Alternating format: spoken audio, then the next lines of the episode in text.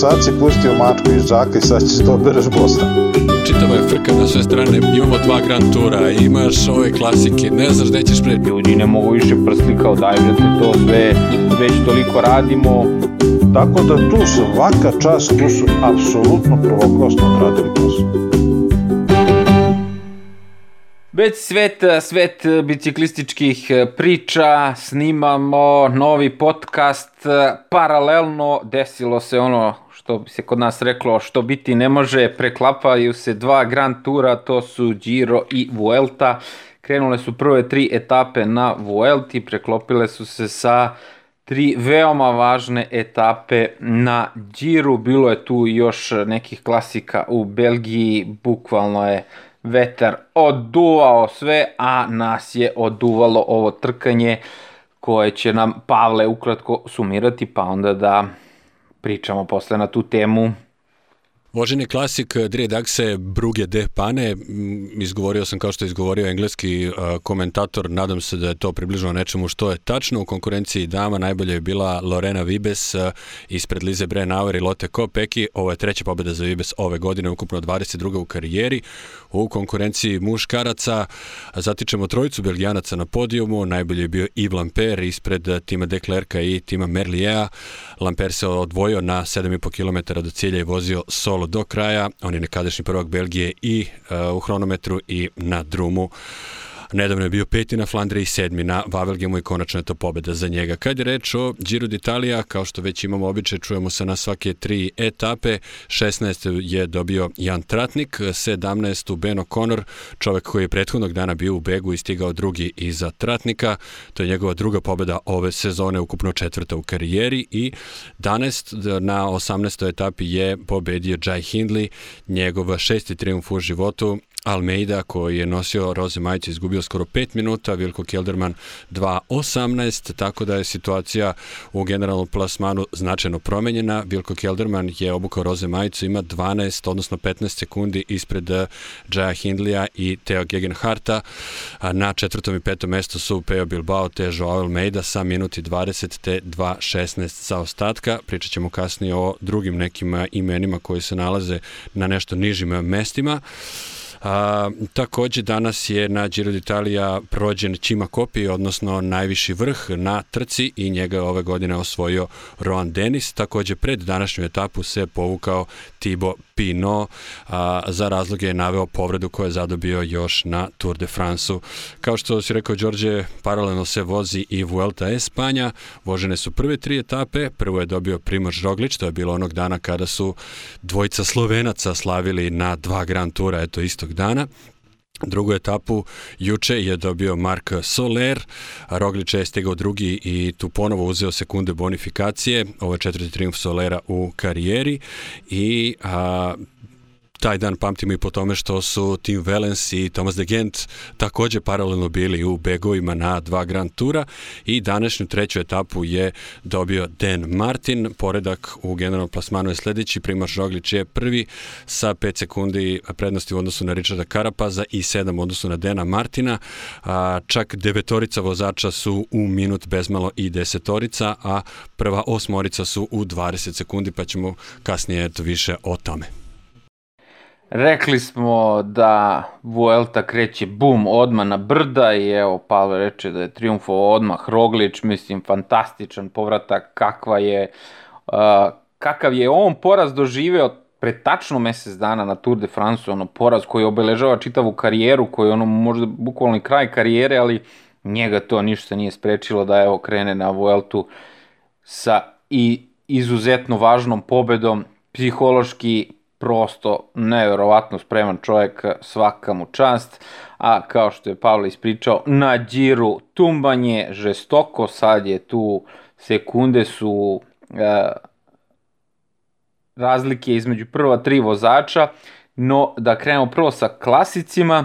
Ja prošlog podcasta sam rekao da neću biti nešto na Twitteru, ali nisam se nadao da baš toliko neću biti ni na internetu, jer nisam uspeo praktično ništa da ispratim u stvari ispratio sam onog tratnika, ali ajde krenemo sa klasicima, tamo sam video da je bukvalno vetar oduo Matthew Van Der Pola, a znamo ko je slučajno gledao sve trke.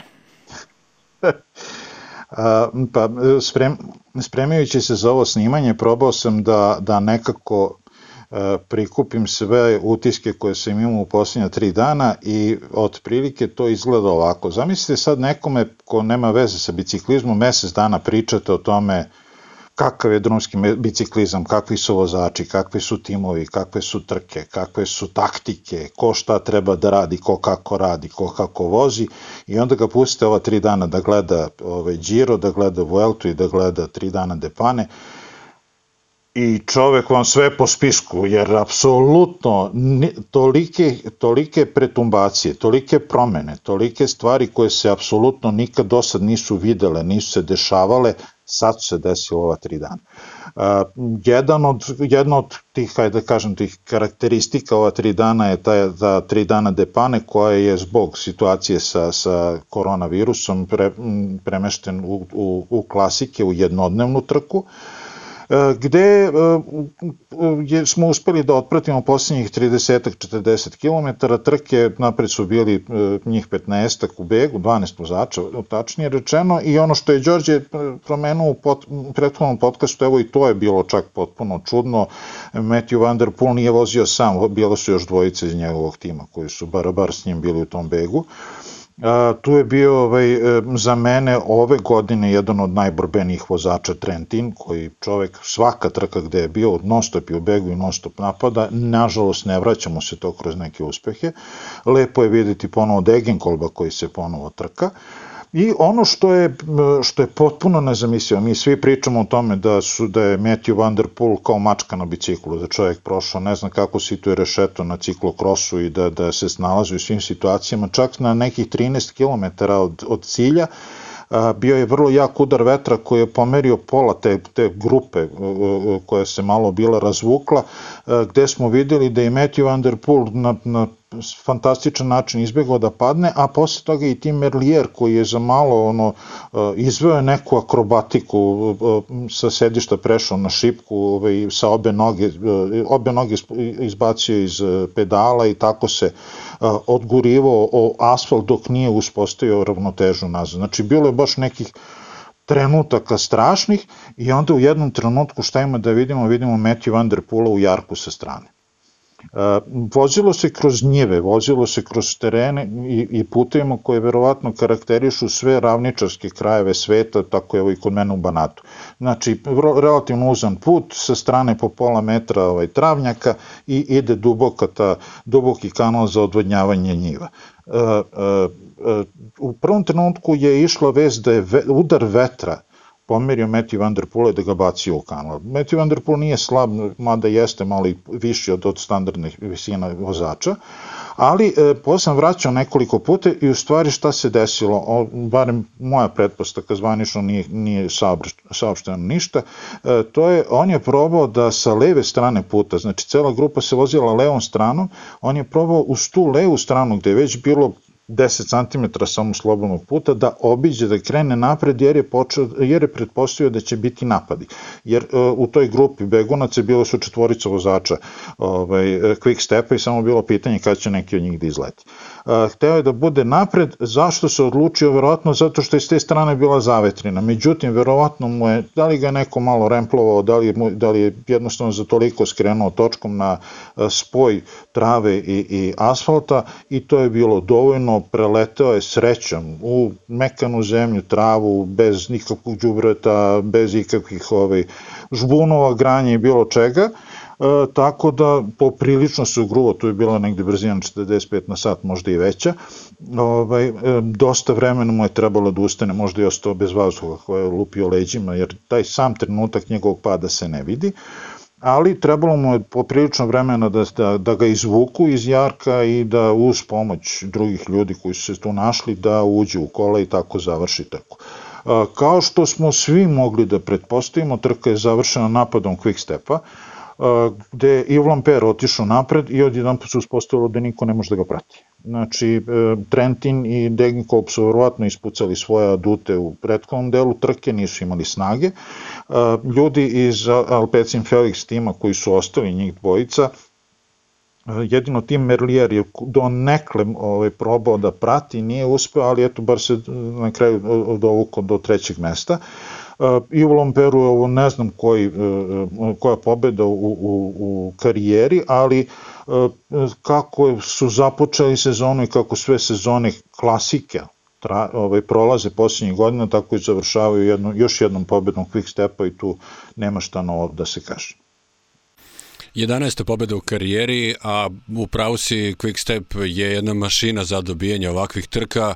Malo smo opet videli situaciju kada se on odvajao, jer on zapravo nije imao nikakav strašan skok. Nije, da kažemo, koristio neku situaciju, negde neki vetar, neku krivinu, nešto. On je prosto samo malo jače nagazio pedalu. Mislim da li bio Mateo Trentin koji se tu sklonio sa strane i nekako, a, naravno, bila su dvojica vozača Quickstepa u grupi koji su se potrudili da tu niko ne odreaguje reaguje, međutim bio je dovoljno širok drum, oni ne mogu nikog tu da zaustave i za oka je tu bilo 14-15 sekundi, za drugi trep taj oka 30 i to je već bila gotova stvar gde Konik upisuje još jedan triumf. Evo ja gledam rezultate, kaže Carlos Rodriguez 48 sa 11 minuta i 48 sekundi, a poslednji 49 Chris Lowless. Čik pogodite odakle su, iz kog tima, Carlos Rodriguez i Neos Grenadiers, ono ko, šta kažeš? Da, interesantno je bilo videti, izvini, interesantno je bilo videti, obično kada se, kada se voze klasici, to vidimo jednu, dve, tri grupe napred, koje, kad krene pucanje pelotona i onda pozadi kao četvrtu grupu vidimo peloton. Ovde je bilo napred njih 12, 13 koliko ih je bilo i peloton od jedno 30, 40 ljudi, da li ih je bilo koliko i ništa više Izgleda da niko drugi ni, ni završavao, odustali su jer su bili, e, ovaj, pošto se to, što su bliže prilazili okeanu, to je bio jači, to su bili jači udari vetra, tako da verovatno su malo po malo svi odustali kao da ja idemo kući, dosta je bilo za ovu godinu. Šteta za tri dana Depane, to je uvek super trka, ali nekako sad malo izgubilo draž, jer ona je uvek iz, priprema trka između dva velika klasika, između Flandrije i Rubea, čini mi se da je ona, ili između možda pre Flandrije, pa je ono, pa su sve oči uprte u nju da se vide kak, kakva je forma vozača, ali sada evo, jedva su izgurali, meni je to jedna od, od omiljenijih trka zato što su to ljudi koji su koja je potpuno druga organizacija od ove Flanders klasika koji drže monopol. I, i to je neka ekipa skroz na, na, na severu tu do Depanea, na, na, na severu do mora, ko, ljudi koji to organizuju i koji imaju i tekako razvijen biznis, znači sve trke se muče da sad imaju ne, da budu nešto profitabilne, oni su ljudi uvek u plusu svake godine i odolevaju baš toj mašineriji Flanders klasika koja samo hoće da ih kupi, a oni se ne daju, a evo svaka im čast na mišići izborili su ove godine bar i taj jedan dan kod Ucija, ne samo od Flanders klasika, nego izborili su i taj jedan dan, ajde nesrećno ovaj termin 20 koji 1. oktobar i eto, vetar je oduvao ih pola tu, ali završilo je 50 ljudi i to je bilo to. Idemo sad na ove Grand Tour trke, da ne gubimo vreme, već smo uh, dosta uh, potrošili na ovaj klasik, ali stvarno je bio vredan, uh, vredan klasik. Od Gira, imamo prvo Giro, pošto se njemu vraćamo uvek. Giro je vožen, rekli smo prošli put, malo tu nešto do Slovenije i onda smo najavljivali hoće bude Stelvio, neće bude Stelvio i evo, i bio je Stelvio. Uh. Meni je najveći utisak to što reče Pavle, tog dana su Slovenci triumfovali i na Điru i na Vuelti. Jan Tratnik, prva Grand Tour pobeda za Bahrein ove godine i Grand Tour pobeda za, za Pavlovog miljenika Roda Ellingworta u, u timu Bahreina i to na spektakularan način kad se činilo da će Ben O'Connor da e, stigne, to je stigao je Tratnik i da će mu uzeti, jer je bio u velikoj psihološkoj prednosti, Tratnik je našao snage da napadne, to baš tamo gde je stajala njegova devojka, ono, to mi je, to sam uhvatio, to mi je ono, detalj. I, i jako simpatičan detalj, jer je to pre radio Roglić, tako ne, je njegova devojka sad, sad supruga je stajala, pa je on bio a, poznat po tome da napada a, gde stoji njegova devojka, oni valjda to unapred se dogovore, nije baš sad to tek tako ona stane, pa pa on napadne što stane pod brdom, pa šta će onda? Tako da je to bio što se, što se tiče Slovenaca jako, jako dobar dan uh, i vozio su taj Friuli tamo pored Udine, skoro pored granice sa Slovenijom, tako da Slovencima kapa, kapa dole, a i Tratniku naravno, koji je dečko izuzetno jak, a i njemu konačno da se vrati taj sav uložen trud sve ove, sve ove godine. Nešto sa te etape, što se vas tiče... Otkrovenju u, u, u liku Bena O'Connora, koji je već sutradan usvojio etapu, momak Malten nije odakle se pojavio, ima vrlo karakterističnu pojavu, dosta je visok i dosta mršav, on mi izgleda ono kao Frum 2.0. I, i ovaj, na jako visokoj kadenciji ide uz brdo i to ide ohoho dobro, to je pokazao tri dana za redom, ne znam odakle, mu, odakle snaga iz onako tankog tela. Uh, ali e, fakat je da je, drago mi je što je Tratnik pobedio u smislu komšije bivši, pa drago mi je zbog toga, bilo bi mi drago da je Conor pobedio, još mi je draže što se Bataljin najzad odlučio da si, da si on malo trka, pošto ga imamo u jednoj fantaziji ekipi, najzad mi je donao nešto bodova, Ove, a to što, evo, samo mala digresija, nećemo skakati, prvo ćemo završiti, mislim, Giro, pa onda preći na Vueltu u paketu, ali samo mala digresija, današnji pobednik na Vuelti, Dean Martin je rekao da mu je žena bila na cilju i on se raspakao koliko je bio srećan što... Znači, ako hoćete da pobedite na Grand Tour etapi, obavezno vodite ženu i postavite na strateško mesto. To je recept. to je recept za Grand Tour. Ja, imamo jedan, imamo jedan malo slabiji primer. Naime, danas su uh, bili roditelji Joao Almeide na cilju i mogli su baš da, i da, baš i da ostanu kući. Ovaj. E, ali vid, eto ti vidiš kako si dobro pomenuo. Roditelji nisu dovoljno jaki. Enel Čavez vodio roditelje 2016. isto na Giro, isto, pa kad mu je Nibali preotano i onda, i onda su došli u situaciju da Nibali učestite u pobedu. Mislim. E, a znaš kad su isto bili Čavezovi roditelji? Ja mislim pa, prošle godine, ono kad se vratio, kad je uzeo etapu. E, ne, već se ne se... E, da, da, da, da, majka mu je samo bila, mislim, nis, nisam siguran za oca. Znam da, da, znam da sam video sliku sa majkom, Znam, ono kad smo se svi radovali da se vratio najzad trkanju, da se vratio dobroj formi i svemu tome i znam da je bila slika, mislim da je bila samo majka. Ali ovo znam za 2016. kad, kad je Nibali čapio od Krujsvika ovaj, Giro, da, je, da su roditelji bili na, na, na, one, na cilju one etape gde nažalost nije pobedio. Dobro, hoćemo na sledeću na etapu broj 17 da pomenemo nekog kog nismo dosta spomenuli, recimo Bena O'Connora koji je pobedio. Da, mi moramo da zovemo Moramo da zovemo odmah Daniela Kvasinu, ja nisam stigao, stvarno imao sam mnogo posla ove nedelje, ka, bukvalno kao nikad e, do sad što sam, što sam ovde za ove četiri godine. A, da zovemo Danila Kvasinu da pitamo kako je raspoloženje u timu, pošto nam je ono, na onom kom podcastu 35, 6, 7, ne znam više ni koji broj, onako iskreno ispričao sve vozače i od koga neće biti ništa i od koga će nešto biti, a evo sad treba da pretresimo Ben O'Connora, kako ovaj mali Mršavić goljav ide ovako, brate, ko avion, mislim, svaka mu čast kad je onako, uh, maj, onako izgubio, on, uh, jednog trenutka se već boriš za pobedu, ideš ko avion, stižeš vozača napred i on te otrese. I narednog dana pun gas i pobeda. I to na kakvoj etapi, čoveče, Madonna di Campillo, ono, gde je on skočio i koliko do cilja i svaka mu čast. Mislim, nemam reči. Ono. Pa to, je, to govori više u, u prilog njegovoj mentalnoj snazi. Fizičku snagu očigledno ima, ali masa drugih ima fizičku snagu, ali očigledno to u glavi, što, što si pomenuo iz Rogliča. Znači, nije se sad njemu istopili mišići i ne znam šta, vrati se, vrati se kilometri u noge, vrati se ta kondicija, vrati se, da treba u glavi da pobediš sve, sve demone, sve svoje strahove, ne, ove, da, da neko svoje samopouzdanje podigneš na neki ekstra nivo i da kažeš ja mogu, ja hoću, nema veze, juče nisam uspeo, danas ću da uspem. Uh, i stvarno mi je jako drago zbog njega i on se uklapa u priču koju pominjamo već nekoliko puta kroz podcaste, ovo je sezona mladih do juče nepoznatih vozača. Znači, na svim trkama smo imali da je blesnuo neko, na kraju krajeva Almeida je 15 dana nosio ovaj, roze majicu na džiru, ko je mogo da stavi pare na to? I još uvek nije izgubio sve šanse, ali opet i, i to, ovaj, i njegovu šansu je sad preuzeo isto potpuno do juče nepoznati Jay Hindley.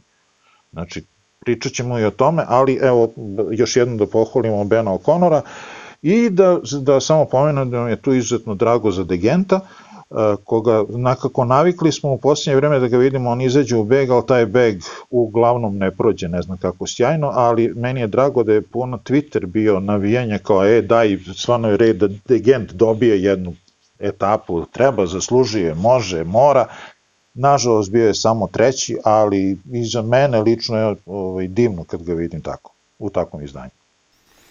Što se tiče NTT-a, znamo da se ta ekipa rasformirava na kraju ove sezone, što je naravno jedna izuzetno tužna priča. Oni kubure već koju godinu, tako da vidjet ćemo gde će svi ti ljudi da, da se nađu. Njih su ljudi iz ekipe sve vozače obavestili da od nove godine prosto nemaju ide više.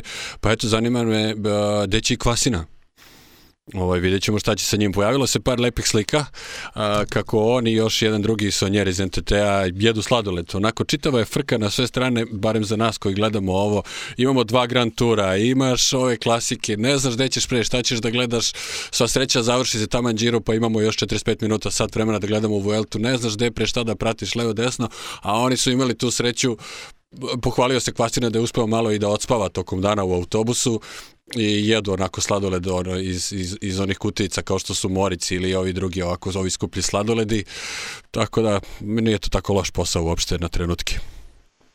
Ne, ne bi mi zanadilo da dobar deo tima pokupi ovaj cirkus koji je ovaj, od CCC-a preuzeo licencu i verovatno će krenuti da se ojačavaju, a danas kad sam čuo ko je sve prešao Izrael Startup Nation, Izrael Startup Nation će sledeće godine biti više nego respektabilan po imenima, je sad koliko će se uklopiti i koje, da li su sad to sve samo imena ili iza tih imena i dalje stoji neka snaga, to ćemo videti tek na proleće. A ovo jako mi je žao, to eto, svaka god, ne prođe godina da neki od timova uh, zbog finansijskih razloga ne može dalje i da se rastura i to je tužno i za vozače i tužno je i na kraju krajeva to verovatno ćemo e, jednom prilikom pričati malo više o tome, čini da biciklizam ne, jednostavno ne može da bude praćen na način kako su praćeni neki timovi u drugim sportovima, gde vi imate ljude koji po 50, 60, 70 godina navijaju za isti tim koji taj tim ne menja boje, promeni eventualno par reči na, na adresu kao ovaj, glavnog sponzora, a u, u biciklizmu, M što tim iako opstane, dve, tri godine pod istim imenom, četvrtu godinu opet promeni ime ili se ugasi, pa po, mislim katastrofa. Ali dobro, to ćemo da ostavimo za neku drugu priliku. Ajde da, to je ovaj, e, etapa 17, na kojoj još uvijek bila ista, varijat, e, ista situacija što se tiče generalnog plasmana, Almeida je odbranio na toj etapi svoju roze majicu, čak je uspio da dve sekunde ukrade drugima, to je bilo za sve nas koji smo pratili taj finiš glavne grupe, to je grupe e, roze majice, bilo i, i iznenađenje i vrlo prijatno iznenađenje, jer Almeida iz jedne situacije, ja sam ovde najmlađi, svi me napadaju, svi hoće da me tuku, je e, na ne znam koliko beše, na, na jedno kilometar pre cilja, digo se i umesto da čeka da, da ko će da napade pa da se brani, on napao. U principu ne kaže se džabe napad je najbolja odbrana. Otišao je dovoljno daleko da već nije mogo niko da, mu, da ga pretekne u, toliko, u, u tom preostalom vremenu do cilja i da mu napravi ne znam koju sekundu, čak je uspeo da dve sekunde da ostalim svojim pratiocima i onda smo ušli u današnji dan. Kaže, Đorđe.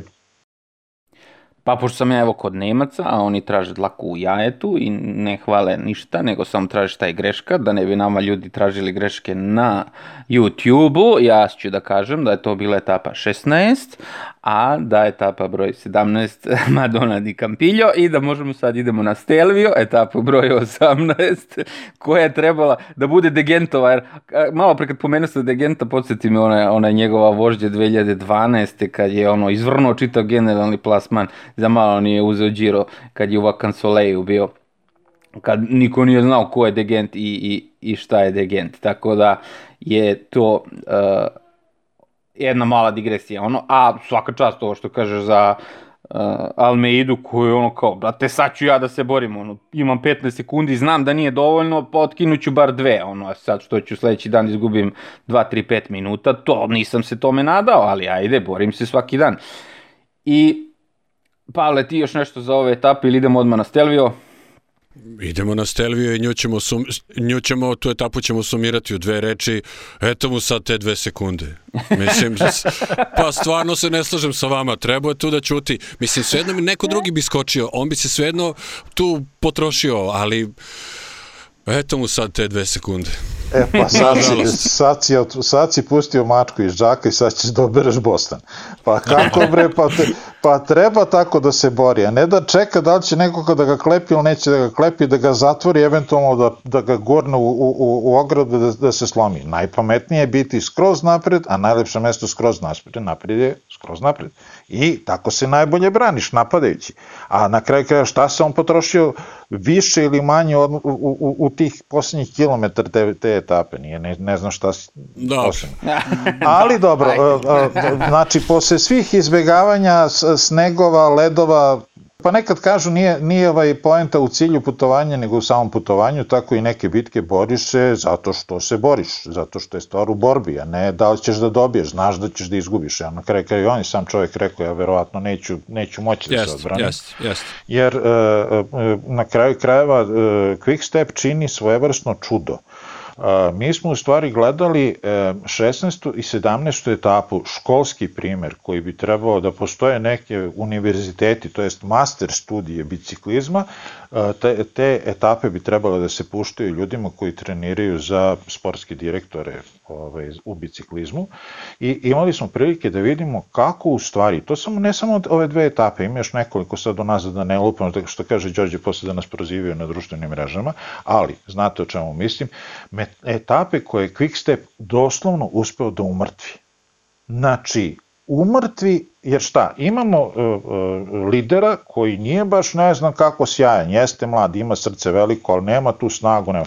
Mi sami nismo snažni, realno on od pravih pomoćnika ima Masnadu, koji je došao pre mesec dana iz CCC-a, i imao je možda Noksa do, do nekle. Niko drugi u bilo kojim višim brdima nije mogao da to prati ali su zato u svakom ravnijem delu, talasastijem delu kojim je, kojim je mnogo bliži zato što su navikli da voze te klasike i da voze pod otežanim uslovima, puste samo ovaj, uh, uh, Iljo Kejsea napred i on vozi ritam koji odgovara Almeidi, a tako fino uspavaju ceo peloton, tako da ovi kao, pa dobro, mi sad ne ćemo sad da napadamo, pa nećemo, pa nećemo.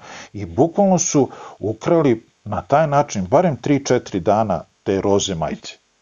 Što, eto, znali su, verovatno su oni sami znali da nema šanse da to donesu do Milana, ali su na takav način branili da su kao svi kobajagi zadnji, pa dobro ne zamaramo se, pa ne zamaramo se, ali ti prolaze vreme, prolaze ti kilometri, treba da, da napadneš da bi preozao tu roze majicu. Jeste, jeste. E, tako da tu svaka čast, tu su apsolutno provoklasno odradili posao.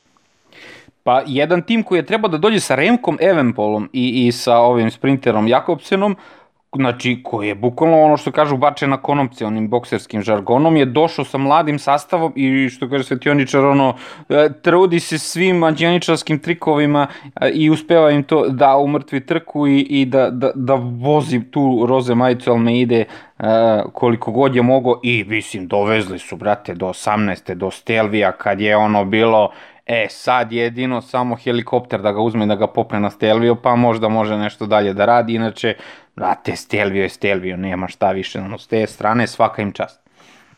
E, sad ono što, smo, što sam pomenuo na početku, evo jedan, jedan, od, jedan od primjera kako uh, odrastaš uh, učići o biciklizmu i gledajući biciklizam na jedan način i onda dođeš u situaciju da na jednoj velikoj trci gledaš kako se ništa od toga ne radi. Prošli put smo postavili pitanje ono o opravdanosti ili neopravdanosti, da li su trebali uh, uh, Majka i ovaj, kako se vaše drugi da se vrate po Sagana na ono, na ono brdo, da, da ga prevuku preko brda i da tako Bora dobije etapu, eventualno da Sagan je uzme ovaj, ciklama majicu ili nisu, odlučili su da ne. Kako je to završeno, reći ćemo danas na kraju. Danas smo imali prilike da vidimo da vozač koji je tu kao pomoćnik Jay Hingley, odlazi od Keldermana, je u stvari Kelderman u jednom trenutku pušta i ono što smi, svi su ono refleksno sad čekaš, aha, sad će ovaj da polako uspori, da ga sačeka, da ga vrati nazad, da... Ne, on nastavlja sa dvojicom iz Ineos. što je potpuno kosi se sa svim nekim aj tako da kažem, e, e, načelima biciklizma. Aj nema veze to ko je stariji, ko je nominalno jači, sve to. U trci čovjek je jači, ima dva i po minuta prednosti od tog svog pomoćnika. I taj pomoćnik svejedno odlazi napred. I ostavlja ga da sam, Vilko Kelderman je imao krizu koja je trajala možda 5 minuta. On je za tih 5 minuta izgubio 37 sekundi. Na kraju je dugo sam, a sve vreme vozio sam. I dugo je držao 42 sekunde, 40, 39, 45, znači sve vreme u tom nekom obimu, da je, da se, da, da je Hindley se vratio i da je vozio s njim, da su ušli u smenu njih dvojica, da, on bi izgubio možda 20 sekundi sve zajedno. Ovako na kraju znamo i sami, i, i to što je on prevukao ceo Stelvio, skoro ceo Stelvio, sam, spustio se niz njega sam, uz poslednje brdo do pola se peo sam i tek onda počeo da pušta, da dobija veći zaostatak, svaka mu čast kao vozaču i kao, kao osobi na tom mentalnom sklopu da je uspeo da drži taj ritam, ali ta odluka tima ili samog Hindlija, to je meni potpuno nezamislivo. Uh, samo jedna stvar, da su oni ostali pozadi da menjaju, menjali bi napred Tomas i Tao, ali generalno se slažem sa tobom, odnosno samo će vreme pokazati ko je uh, u pravu. A, ja moram da kažem da sam mislio da je njima Vilko uh, rekao da, da mogu da idu, to jest da je rekao Kolima i, i, i Džeju, to jest Džaju, da, da može da ide. To mi je prosto tako delovalo, da ljudi koji ovo slušaju, pošto ovo vruće, dešava se uh, uh, sad, stigle su izjave da je Vilko na cilju rekao da ne zna ni sam zašto Hindley nije ostao sa njim. Gledali smo intervju sa DS-om, sa sportskim direktorom, koji je naravno tu malo da gasi požar i da daje diplomatske izjave i on je rekao, pa eto, mi smo imali jedan od scenarija i u podnožju smo, a, dakle, nakon Stelvija smo razgovarali sa, sa Vilkom, rekli smo zašto smo se kako i odlučili i šta levo i desno i eto, njihovo opravdanje jeste da oni sada imaju dve karte sa kojima mogu da igraju i oni fakat imaju roze majicu, ali da li će tako biti nakon sestrijere, eto, ostaje da se vidi vidi, nije nemoguće da se i Gegenhardt ovde poprilično istrošio, da on u, u subotu ima loš dan, da se možda Vilko oporavi, to eto ćemo videti. Drugi scenarij koji je mogao, eto, kao što ti kažeš, Peđa, da bude, a, evo, on je danas izgubio 2 minuta i 18 sekundi u odnosu na, na Gegenharta. Da je ostao, a, da je ostao Hindley sa njim, mogao je da izgubi neka bude minut i po I onda bi imao 45 sekundi manje bi izgubio, imao bi minutu u odnosu na, na Harta i to bi recimo eto bila mnogo bolja zaliha nego što ovako imaju. Nije nemoguće zapravo da na kraju Hindley bude bolje plasiran od, eh, od Vilka, a obojca slabije plasirani od Gegenharta.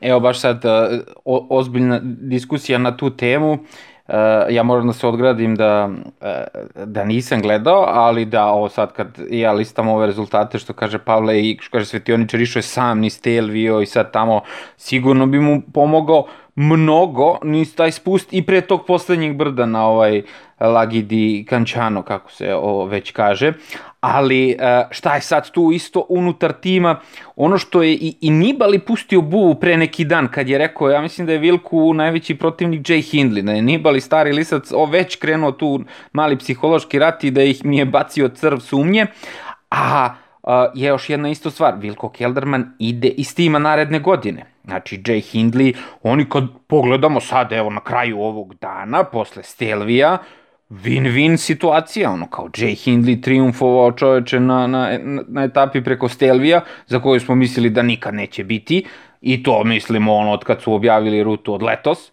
i drvlje i kamenje i bio je Stelvija, ono svaka čast. I Vilko Helderman ima roze majicu, ali Vilko ide u Boru sledeće godine, a Jay Hindley ostaje tu u, u Sunwebu. I sad, Jay Hindley sad može se vadi, ja, nije mi radila radio stanica, znaš, ono, ja nisam video, Pa u trenutku kad sam video, ja, je već je bilo kasno, znaš, pa sad, mislim, možda sad ono, možda sad izmišljaju tu priče što kaže Pale ovaj izjavio, pa kao sad vadi kestenje iz vatre, ali generalno je win-win danas, na kraju ovog dana. E sad, što sad ovaj tu mali iz Ineosa ima 15 sekundi za ostatka za vodećim Keldermanom i 3 sekunde za ostatka za Jake Hindlem, e pa šta sad da radimo, vidjet ćemo, mislit ćemo o tome u Milanu, doguraće ovo do Milana, mora da ide, kad je pregurao Stelvio, mora da dođe do tog hronometra u Milanu, pa ćemo onda svi da se pušimo, ono, mislim, nije sad da ima, uh, da će biti samo ta borba u Milanu, već će biti i narednih dana, mislim, i već sutra tu, se, tu ide lepa, Uh, to je sutra je etapa za sprintere, ali prek sutra ide ova etapa na sestrijere, ono isto, ima tu lepih brda i dana za Megdana. Pa znaš šta, Hindley je tu imao besplatnu vožnju 50 km on je meni sad tu zapravo favorit. On se tu a, sačuvao poprilično, a sad tu sad eto kakvi će biti međuljudski odnosi, kako će biti u autobusu a, i po izjavi samog Vilka van toga što je rekao da ne zna a, a, zašto je Hindley otišao, na kraju videlo se poprilično da ga, to, da ga je to bolelo, pitali su ga naravno direktno pitanje šta misli o toj taktici i on je rekao pa evo na kraju to je dobro Mislim, što znači da na početku nije dobro. A, uspeh sve poravna. Znači, e, ako na kraju Vilko donese roze majicu u Milan i, i završi kao pobednik ovog džira, bit će sve super, najbolje, baš smo tako hteli. Ako ne bude, opet neće biti tolika tragedija zato što će Vilko otići na kraju ove sezone, ide u Boru kao što je rekao Đorđe, ali e, to je e, na izvesni način jedno nevaspitanje. Evo da vas podsjetim sve 2012. E, Tour de France, etapa u Andori, e, Frum pokušava da povuče Bradleya Wigginsa uz brdo, viče na njega, maše rukama, Valverde odlazi, Frum je jak ko zemlja, može da osvoji Tour de France i tri puta da pobedi Valverde i sve to, ali odluka tima je takva, ostani uz, uz Wigginsa, Wiggins je naš čovek broj 1 i kako im se vratilo, vratili su nešto što su dobili taj Tour de France i sve ostale Tour de France. Ovako kada se stekne određena, kad neko uh, stekne određenu reputaciju da nije čovek od poverenja, da će ti što, u bukvalnom smislu zabiti nož u leđe, kako će on da vozi sa drugim vozačima Sunweba, kogod bude bio sa njim sledeće godine? Kako ćeš praviti taktiku na osnovu toga, kako će se prolaziti krize kroz koju svi prođu? Znači, ovo na duge staze može da bude pogubno po ceo tim. Kratkoročno, super, uspeli smo, divno, baš smo moćni, ludilo, osvojili smo, ali e, svi ti vozači iz Sunweba, na kraj kraja, ceo peloton sad priča o tome. Gle kako ga je Z i uzmu etapu. A tu onda sad sa, sa naknadnom pameću možemo da se vratimo na jedan trenutak sa prethodne etape, gde je Hindley malo krenuo napred, pa je zapravo Vilko uzeo tu da spaja svog čoveka. E to je, to, e, zaboravili smo na taj trenutak, to je isto jedno potpuno besmisleni potez. Znači, sve vreme pričamo, na, na kraju krajeva onaj famozni uh, Movistarov trozubac, da idu sa tri jaka čoveka, pa će sad da u treću e, ovaj, nedelju uđu sa dva jaka čoveka, pa će da, da tako mogu da razbijaju. Prvo, uh, Sunweb je ušao sa dva jaka čoveka na dva odlična mesta i kad je na, juče na etapi uh, Hindley po, povuko i krenuo napred, umesto da ga pusti da odmakne 200-300 metara pa da Almeida mora da spaja, da nema više izbora i da on ima džabe vožnju i da preuzme majicu, da sve uradi juče, on je krenuo da spaja na, na 20-30 metara razlike. Potpuno besmisleno. Da li je, to, da li je možda to znak prvo, e, e, e, Kelderman nije vozač od juče. Da li to možda znak da on možda juče već posumnio da Hindley hoće da, da, da, da, da mu preotme nešto? Nema, ja ne vidim drugi, ne, ne vidim logiku za to. Pa oči, očigledno je Nibali video nešto što tamo između da, njih da, što da, mi da, nismo. Da, da, da. Ta, taj međuljudski odnos će on mnogo bolje da vidi nego, nego mi na, na, na televiziji. A ono što kažeš sam web na duge staze, vidi sam web na duge staze i pre ovog mi nije bio jasan, ono i sa sa Dumulanom i, i pre svega toga ono kao imaš Dumulana i ništa ne radiš po tom pitanju, očekuješ sve od njega i onda sad se pojavi ova sezona I oni dođu i ono razvaljuju ono na turu šta su sve uradili i onda kao i onda ne povedu Matthewsa i mislim ono kao nisu jasni. Prvo oni pa onda šta vozači šta očekuješ od vozača? Ono znamo koliko smo ih tu e, ne samo mi nego i svi ljudi pričaju koja je tu tamo vojnička disciplina. I ono kao mislim ljudi ne mogu više prsli kao daj brate to sve već toliko radimo a, a nikakvih rezultata nema. Što se ove ekipe tiče na, na, na džiru, ona ekipa što je bila na turu, ono drmala ili drmala. Tako da, ono, ko će znati šta će tu biti, vidjet ćemo. Vidjet ćemo možda naredne godine ili posle džira kad se ovo bude završilo ili već sutra kad bude, mislim, ne znam, oni ovo sad moraju da peglaju u, u, u sobama ono šta će da rade sutra. Sutra treba opet Jay Hindley da vuče za, za ovog što ima Roze Vanicu, šta će da radi. Ba, ako se dotaknemo eventualno hronometra koji bi možda mogao da odlučuje, evo ja sam se malo bavio statistikom, na prva dva je najbolje rezultate a, među trojicom vozača koje sam izdvojio, koji su trenutno na podijumu, to su Jay Hindley, Tao Gegenhardt i, i Vilko Kelderman. Najbolje rezultate je imao Vilko, međutim na hronometru koji je potpuno ravan, dužine 10 km, neće to baš previše da mu znači. A jeste videli onaj video kad je Gegenhardt uzeo etapu, pa su Vini Zabu a, a, ekipa koja je zadužena za društvene mreže, Vini Zabu ili ko već odande, su intervjuisali svoje ovako ljude koga su našli ispred autobusa, ako mogu da izgovore ko je dobio etapu, misleći na Teja Gegenharta. vidio sam, ali meni je bolje bio, vidio sam to sa onim učenjem kako se izgleda, na kraju krajeva Điđi je danas ovaj, e, stari novinar koji na e, Rai Sportu e, na, na uvodnoj emisiji ovaj, na onoj crnoj tabli piše ovaj, prognozu za taj dan, onda su ga terali deset puta kao da napiše tačno kako misija, ne ne, on je samo napisao hart i zdravo, kao nema šanse da proba da napiše kako, čak da napiše, ne da, da izgovori to tek nikako. Ali ima, ali ima bolje, izvini molim te, ali ima bolje, ne, ne znam da li ste videli drugi ovaj, uh, intervju, kratki intervju sa, sa Teom, Ge, Geo Gehartom ili kako se čita, ovaj, uh, kad su ga pitali da li je srećan jer je on juče dobio ovaj, nagradu kao najborbeniji vozač. A kaže, ne, kaže, nisam najborbeniji, ja sam najgluplji vozač, sat vremena stojim ovde i mrze se da dobijem malu figuricu kom će da mašam. jeste, jeste.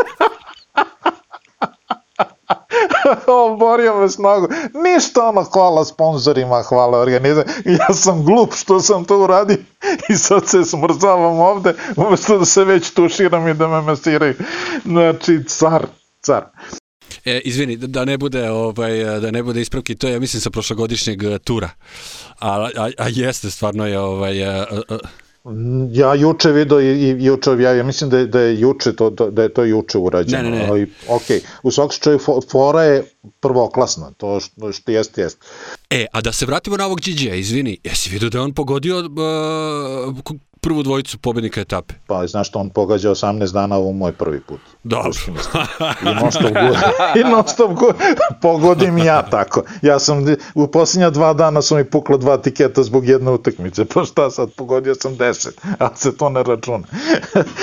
Nego, samo još jednu stvar da kažem, ove, mislim da zaslužuje pažnju, Uh, mislim da bi trebali da uh, sad možda stavimo i tačku na Nibalija, koji očigledno čak i u ovakvoj e, atmosferi gde je Bog otac u jednoj ekipi, e, jednostavno to više nije onaj Nibali. Ono što je ostao i što radi prvoklasno, to je upravo ono što je Đođe pomenuo, on je bukvalno mastermind za te igrice uh, preko intervjua da razu, razbuca ekipu, on je, ja, ja se stalno vraćam na tu 2016. kad je ovaj, pred posljednje dve etape na, na Điru rekao, ma super je ovaj, Krujsvik, ali ja ne znam kako se on spušta nizbrdo i Krujs, Krujsvik padne na, 30, na 30. metru prvog ozbiljnog spusta, ubije se kozec.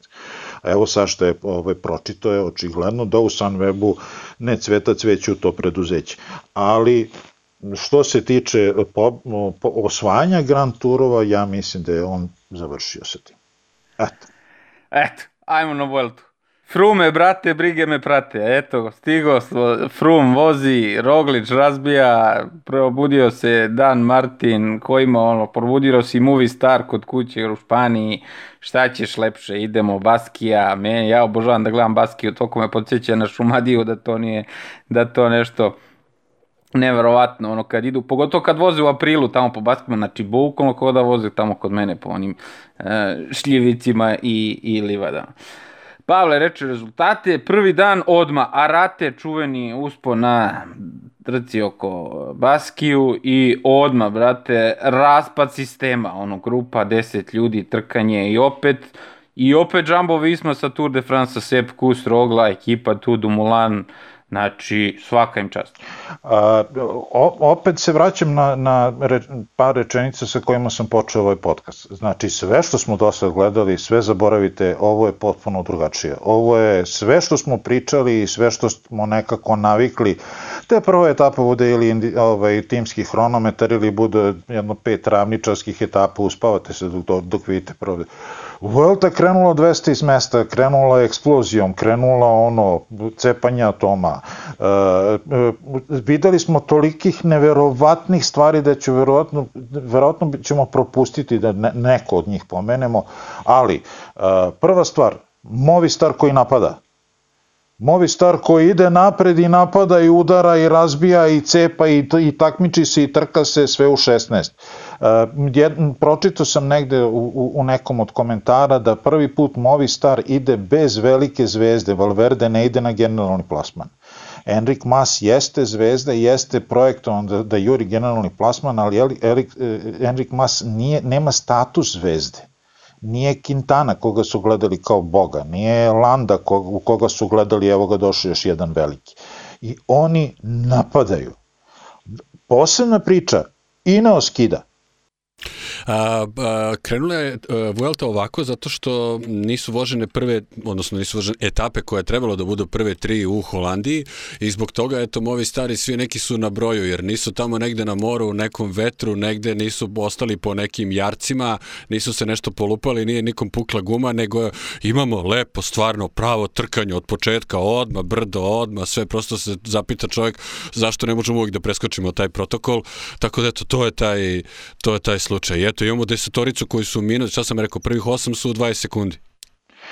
Pa, jedan od problema sa svakom e, biciklističkom trkom je to što morate da, da ispoštujete i da organizujete da bude zadovoljni i sprinteri koji su uglavnom veći i teži i brdaše koji su lagani kao perca i one između koji su ono pančeri, pa za, sad su za neka malo niža brda i za sve njih treba uh, uraditi nešto da, se, da svako od njih može da se pokaže. Ali, Ono što je sam start ove Vuelte pokazao, prvo, na malo tužan i malo ružan način Froome uopšte više nije deo Ineosa. On je došao tamo da vozi svoju trku i da vozi za sebe, posle dva dana ima 28 minuta za ostatka i sa kojim objašnjenjem? Eto on polako ulazi u formu, do, su tu, dobro, čekaj prije za šta spremaš, za novu godinu? Ja mislim da je ovo bukvalno poklon od Ineosa. Frumu, evo prijatelju, mi da ti se odužimo, evo tebi jedan Grand Tour, vozi, ideš sledeće godine tamo kod ovih Izraelaca, radiš šta hoćeš, e, nama si stvarno ono doneo neverovatnu ono slavu i publicitet. I najbolji mogući način na koji možete, možemo da ti se odužimo je da te povedemo na Grand Tour, da imaš Grand Tour u nogama jer nisi vozio trku koliko dve godine, već tri ali samo uz jednu ogradu, izvoli, ali voziš sam. Znači, voziš bukvalno kao Arun u onoj etapi. Hoćeš da uđeš na etapu, uđi, bori se sam na kraju pelotona, gubi minute, gubi, niko se neće vraćati po tebe. E, na prvoj etapi Froome je posle izjavio da je, jer ja sam gledao, e, u, u, u trenutno Inu su, su dva tima. Van Barle, Golaš i Froome su na jednoj strani, svi ostali su na drugoj. Ova dvojica su vukla Fruma i Frum je bio pri, pri početku ovaj, e, grupe, glavne grupe, bio je na vrhu do negde 28 km pred cilja. Onda se na onom suženju desio udes gde je ovaj, e, Woods iz Education First ostao i kaže da Frum da je ostao zaglavljen iza toga.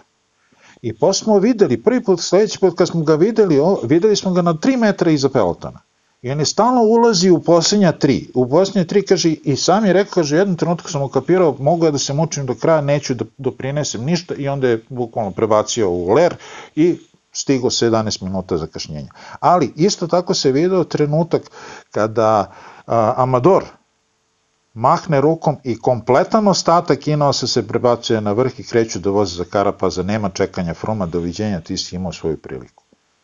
Drago mi je da u današnjoj etapi što sam ga video, da koliko je mogao, jedno pet minuta je vuko na vrhu za Karapaza i onda se povukao sa strane, eto ja sam uzvratio svoje, radio sam svoje, tako da pitanje je da li će završiti Vueltu kompletno. Ja bih volao da završi, ali pitanje.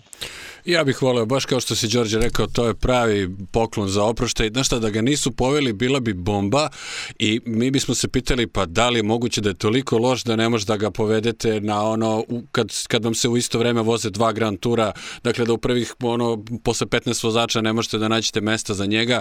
Nažalost, upravo je tako, oni su na, na Vueltu krenuli sa sedmoricom vozača i, i sa njim.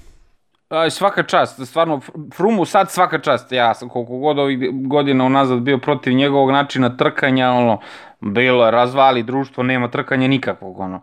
Mislim, svaka mu čast da se posle onakve povrede vrati, da, da, da podsjetimo, to je, ja mislim, još gora pobeda nego što je Joseba Beloki imao, ono, kad je 2003. kad je pao pa slomio butnu kost, Frum je još nešto izlomio tu, nije samo tu butnu kost, ono, Joseba Beloki... Neko, nekoliko, nekoliko rebara Karlica i ključna kost. Ma da. Cela desna, leva strana mu je otišla. Ma, I butna kost. I to, ne, da, da, da. paravim paralelnu samo zbog te jedne kosti koju je Joseba Beloki tad 2003. slomio i nikad se više nije vratio. Znači, jednostavno, više nikad nije mogao da se vrati na taj nivo ni psihički ni fizički. A Frum, koliko je čovjek uporan, mislim, ta njegova upornost ga je dovela i iz Kenije, ono tamo gde se trkao sa, sa onim divljim životinjama do ovog, do četiri pobjede na Tour de France i to svi kažu kao ako neko može posle takvih uh, preloma i lomova i takvih povreda se vrati, to je Frum.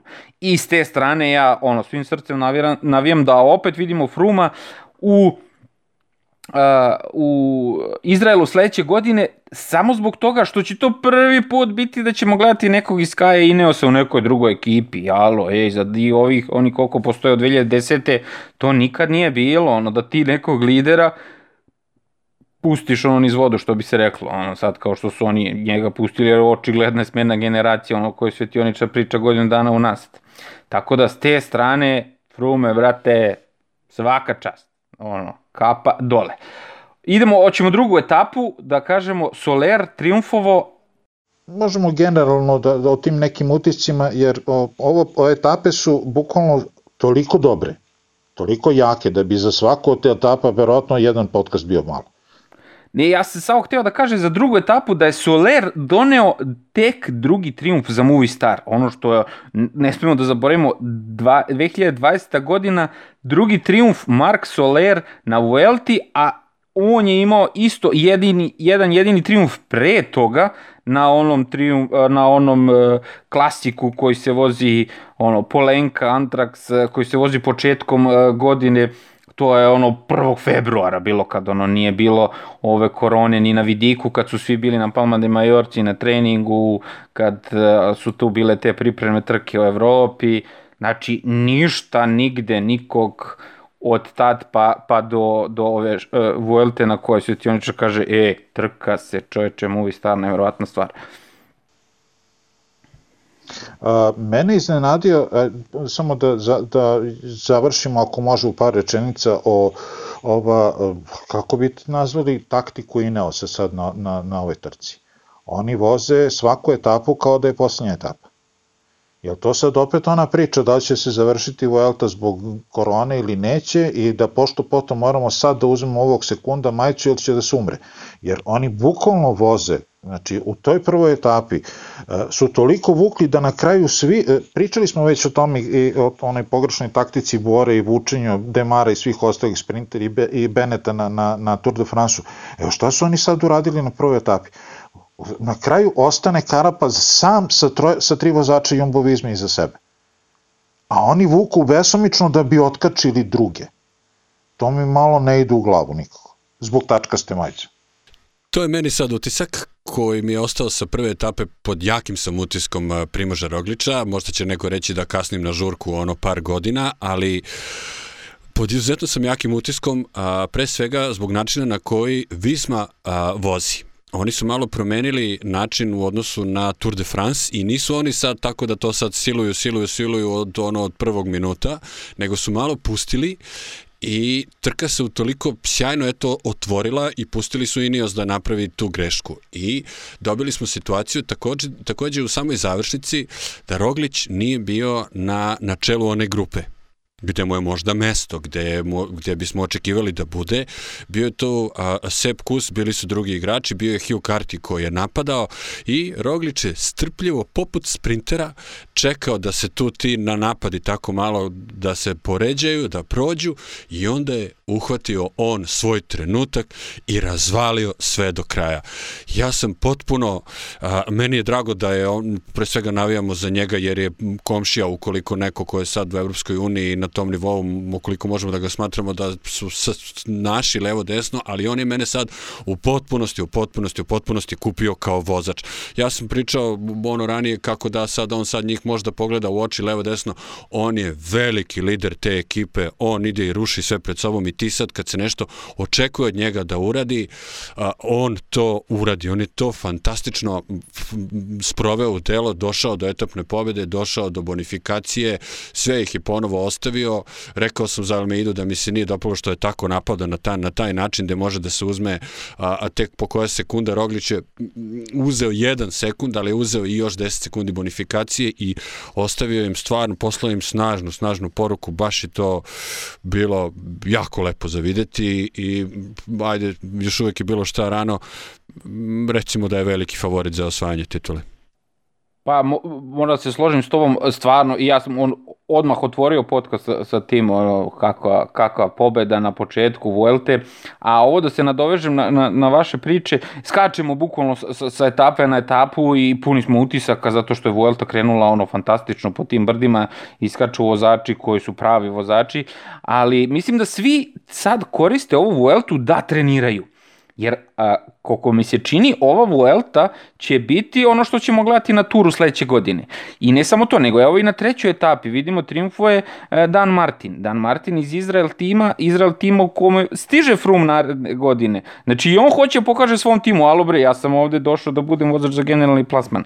Onda, Jumbo trenira, ovo što kaže Pavle, pustili su sad malo, ajde da vidimo šta radi Ineos. Znači oni će s nama se trkaju do godine, da vidimo šta će oni da rade. Onda Ineos došao, ajde da probamo da uigramo ekipu, ne neku sa nekim vozačem, jer gle ovo sad ispade, ovaj se izlomi, pade na bidon, opa, propade sve, ali opet oni su toliko jaki što i Svetioničar prošli put pričao, evo sad iskao čitao Gegenhardt čoveče, on može pobedi Giro, ono, bukvalno, ono, sledeći put kad budemo snimali podcast, Giro će biti gotov, znači mi ćemo opet biti puni utisaka i bit ćemo, jel te, eto, pametni, ono, e, smo rekli, znaš. Međutim, ova Vuelta, kaže mi, deluje da svi utreniravaju ekipu, ono kao ajde da vidimo šta, kako se to radi i to odmah se radi ono kad su noge sveže svima. Prvih ovih, koliko rekao smo, 4-5 dana je odmah u planinama i evo gledaj ko su pobednici, Roglič, Soler i Dan Martin, znači to su vozači, Soler je pobednik Pariznice, to nije tek tamo neka trka, To je fantastična trka. Tako da mislim da je ovo čist trening, ono, ko što je Bahrein ono, na, na, na turu, ajde, momci, malo morate vi da naučite kako se to radi, vozite to pa šta bude, ajde, Blanda slavno riknu ono, kad je bilo na onom brdu, ali negde mora se utrenira ekipa, nije imalo prilike ove godine nigde. Daj, makar to bilo sad i u novembru, daj da probamo. Tako da mi to, to sad najveći utisak ove Vuelte. To smo videli na Džiru na jednoj od prethodnih etapa kada je NTT vukao jednu etapu ala Ineos. A, pa je tu Pocovivo isto spektakularno propao dan kasnije. A, a, e, sad jedan, jedan mali detaljčić sa ove treće etape u samoj završnici ko će biti dovoljno zaludan da to vraća. U jednom trenutku kad je bilo tako, kad su bili egalno, otprilike 300-200 metara do cilja kad se čekalo da krenu u taj nazovi sprint i Roglić je bio tu u prvom redu i u tom trenutku je Sepp Kus krenuo koji siguran sam da zna šta radi i da nije sad krenuo na etapnu pobedu, nego možda mu je bila namera da ovi ostali krenu da skaču, da krenu za njim i da onda je Roglič ih uhvati kad oni se već tu malo možda umore. I na kraju im to nije dalo rezultata. Ne znam da ste vi to upratili, taj, taj sam detalj kad, kad Sepp Kus tako nekako skače na 200 metara do cilja. Nekako mislim da bi možda Roglić imao više šanse da je krenuo egal sa njima. Definitivno je bio tu u prvom redu. E, moguće je da nešto se desilo sa biciklom Sepa Kusa, pošto je on, ja, men, palo mi oči da, je, da sam video napad, da se digo i da ga odjednom nije bilo i posle vidim da je stigo negde 10 ili tako nešto. Znači da odjednom ne baš stao, ali da je drastično smanjio brzinu i finiš se odigrao kako se odigrao. Ono što ste pomenuli obojica u vezi vožnje i Rogliča i cele jumbovizme, e, Domulan očigledno nije na, na, na svom nivou i sam kaže da pada u depresiju kako loše vozi, ali e, ono što e, je, je, ja imam taj životni moto, nijedan poraz nije toliko loš ako naučiš nešto iz njega. Imam utisak da su zaista puno naučili sa Tour de France-a e, i koliko mogu da vidim po nekim komentarima i po nekim tekstovima, e, najzad su shvatili da ne moraš da non stop pokazuješ drugima da si najjači, da ne moraš non stop da budeš napred, da gineš, da vučeš, da ovo, da ono, da se trošiš, svi znaju da si jak i možeš da komotno sebi daš e, lufta i da se držiš pri vrhu u zavetrini, da uopšte ne moraš da se nešto speci, specijalno eksponiraš. E, čak eto vidimo da ne, ne gomilaju se napred, na Tour de France smo imali njihov žuto-crni voz, sad toga nema, budu trojica, eventualno četvorica napred i to je to. S druge strane, e, evo to što je pomenuo Đorđe u vezi tog razbijanja trke i sve sa, evo da, da opet povučem tu paralelu. Mi smo videli sad na 18. etapi na Điru, brdska etapa, 20 sitnih grupica, ovde dva čoveka, ovde tri čoveka, ovde pet ljudi, ovde jedan, ovde se ovaj pokušava prespoji, ovde jedan glavni kandidat, ovde drugi, ovde pet i razvučeno sve na 10 km. Ali to je 18. etapa Đira. Mi to gledamo tri prve etape uzastopno na Vuelti gde bukvalno u poslednjih 20-30 km vi gledate, evo sad smo gledali na 5 km od cilja Čavezu se pokvario bicikl. On se ubi čovjek motajući i sve stiže neke grupice, ali niko da stigne ni blizu te glavne grupe. Koliko se to, što kaže Đorđe, rasulo po drumu, ali zaista jeste tako. I sad stvarno moram da postavim pitanje, ali ljudi, vi znate da ta trka traje tri nedelje.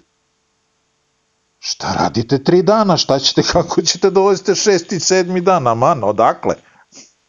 Na trotinetima sa, sa pomoćnim motorom. Mislim, stvarno je, što je, fantastično je za gledanje, tu nema zbora.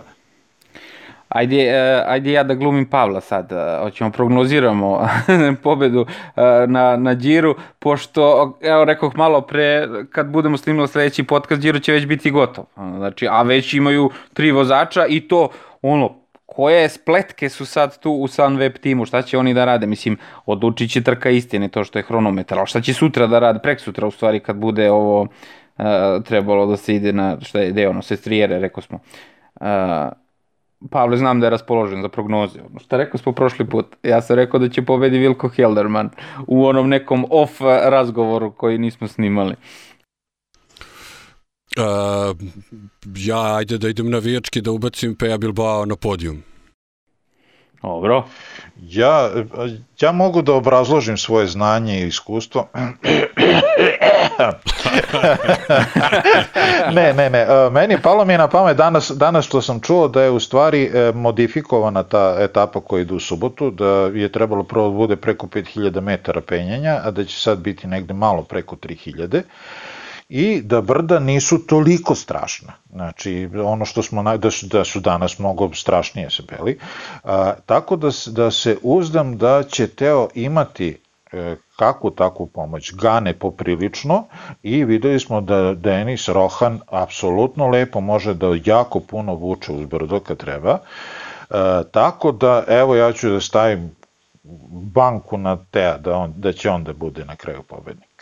A čekaj, ja prošli put rekoh Vilko, pa Teo Gegenhardt, eto. Znači, tu sam negde, nije da nisam, ono još pre, pre ovog Stelvije, ovog tumbanja, ali uh, hronometar, Pavle, šta ti reče, ono, ko najbolje vozio hronometar Almeida, a? 5 minuta na 10 km ne može da nadoknadi. Ne, 10, 10, 10 km ravnog hronometra tu ne mogu da se prave, osim ako ne bude nekog ludačkog vetra pa da opet zeza ko na prvoj etapi.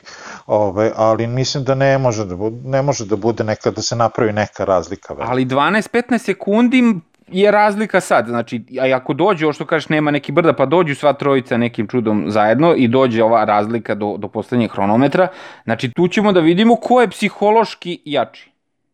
Ja mislim da će se Giro rešiti u, u, u subotu, da će, da će hronometar biti manje više pro forme, da će hronometar samo biti da se održi postojeće stanje od subote, a da će u subotu Teo da preuzme roze majicu.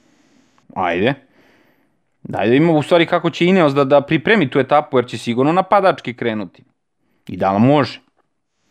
E, Ineos se oslobodio svih mogućih stega, on počinje da vozi. E, nešto razmišljam, e, malo pre kad si pomenuo, nešto si pomenuo sportske direktore, ne, bi, ne sjećam se ni u, u kom kontekstu, ali mi je palo na pamet, ako već sad gledamo ta raznorazna ludila i kršenja svih pravila od strane mladih vozača, Možda bi trebali među sportskim direktorima da dođu neki mladi ljudi isto tako malo poluludi i da kažu ok, sad vas trojica idete u beg, a vas trojica legnite preko druma i raširite bicikli i ne dajte nikom da prođe. Mislim ne bi me iznenadilo. E, pa znaš šta, osim što će vreme da pokaže kakva je bila ova današnja odluka San Weba, na što biće interesantno ispratiti a, sve neke izjave sportskih direktora i ljudi sa iskustvom vezano za tu temu. Sad dok snimamo, verovatno se sad to pojavljuje na, na Twitteru i na društvenim mrežama, a Ineos to, a, setimo se šta smo mislili kada su objavili ekipu za Tour de France, kada su objavili onako šaljemo Gerenta na Giro, šaljemo Fruma na Vueltu, a ovde vraćamo Karapaza sa, sa, sa Gira, malo je tu to bilo Titanic u potpunosti, pogotovo nakon propasti Egana Bernala, a oni sad mogu za 10 dana da osvoje dva Grand Tura. Pazi, oni realno od jednog katastrofalnog Tour de France, znači od kako postoji e, e, nisu imali loši, čak i ono kad je pao ovaj, Frum i, i kad nije završio, ja mislim da su imali tad jednu ili dve pobede ili tako nešto. A, oni su sad došli u situaciju da na džiru su oni definitivno, oni na kraju krajeva, ako ne uzmu roze majicu, ako Teo samo ostane na podijumu, pa i ne da ne bude na podijumu, da bude i četvrti, oni će biti najuspešnija ekipa, definitivno. Jer ja nekako ne vidim ko će da pobedi Ganu u tom posljednjem hronometru, znači čak može da se desi i sutra da ukradu etapu. Potpuno su oslobođeni svih stega i svih logika i oni samo tuku i baš ih briga. Kako su krenuli Vueltu, sve je moguće. Pogotovo što su svi krenuli da ih prate u tom opštem stampedu, pa možda bude svega i svačega do kraja. Pa znaš šta, jedino ne znamo kako će, koliko će dužnosti u subotu imati Gana i, i Denis. Pa eventualno da možda podbace na, na hronometru. Ali, znaš šta, hronometar 10 km po ravnom trebalo bi da, da, da već piše njihovo ime tu. Samo eto, kažem, u, u subotu će definitivno oni imati zadatak, videli smo je Rowan Denis, tako da eto, vidjet ćemo. Mislim da Filipo Gana i da mu skinu jednu kurblu, ono, levu, samo da mu ostaje u desnu, ono, samo na pogonu, da, da ima, da, da šalta veliku šajbnu i da ne menja ništa, da, da bi, ono, desnom nogom će samo da, da izvrti ti 10 km i da bude bolji od svih ostalih. Ono, kako je vozio i na svetskom i, i sve ovo sad na, na, na džiru.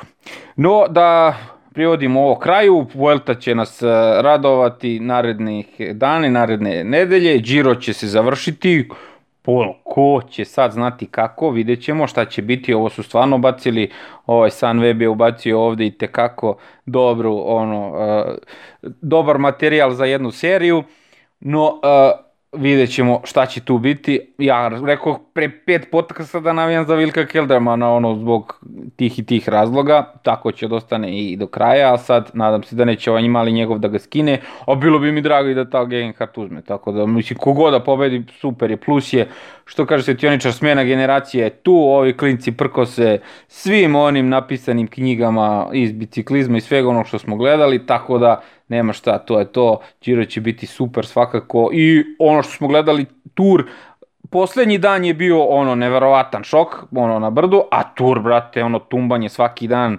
pa i evo poslednja tri dana, e, ovo Giro, pardon, tumbanje svaki dan i ovo poslednja tri dana sigurno neće nas izneveriti, ostaje nam Roglič i da ga pratimo na Vuelti, a vi ostanite uz Bici Svet na svim e, društvenim kanalima, mrežama, na audio platformama, prepričajte drugarima ili preporučite da nas poslušaju, kliknite like, subscribe i komentarišite sa nama sva ova biciklistička dešavanja do narodnog podcasta.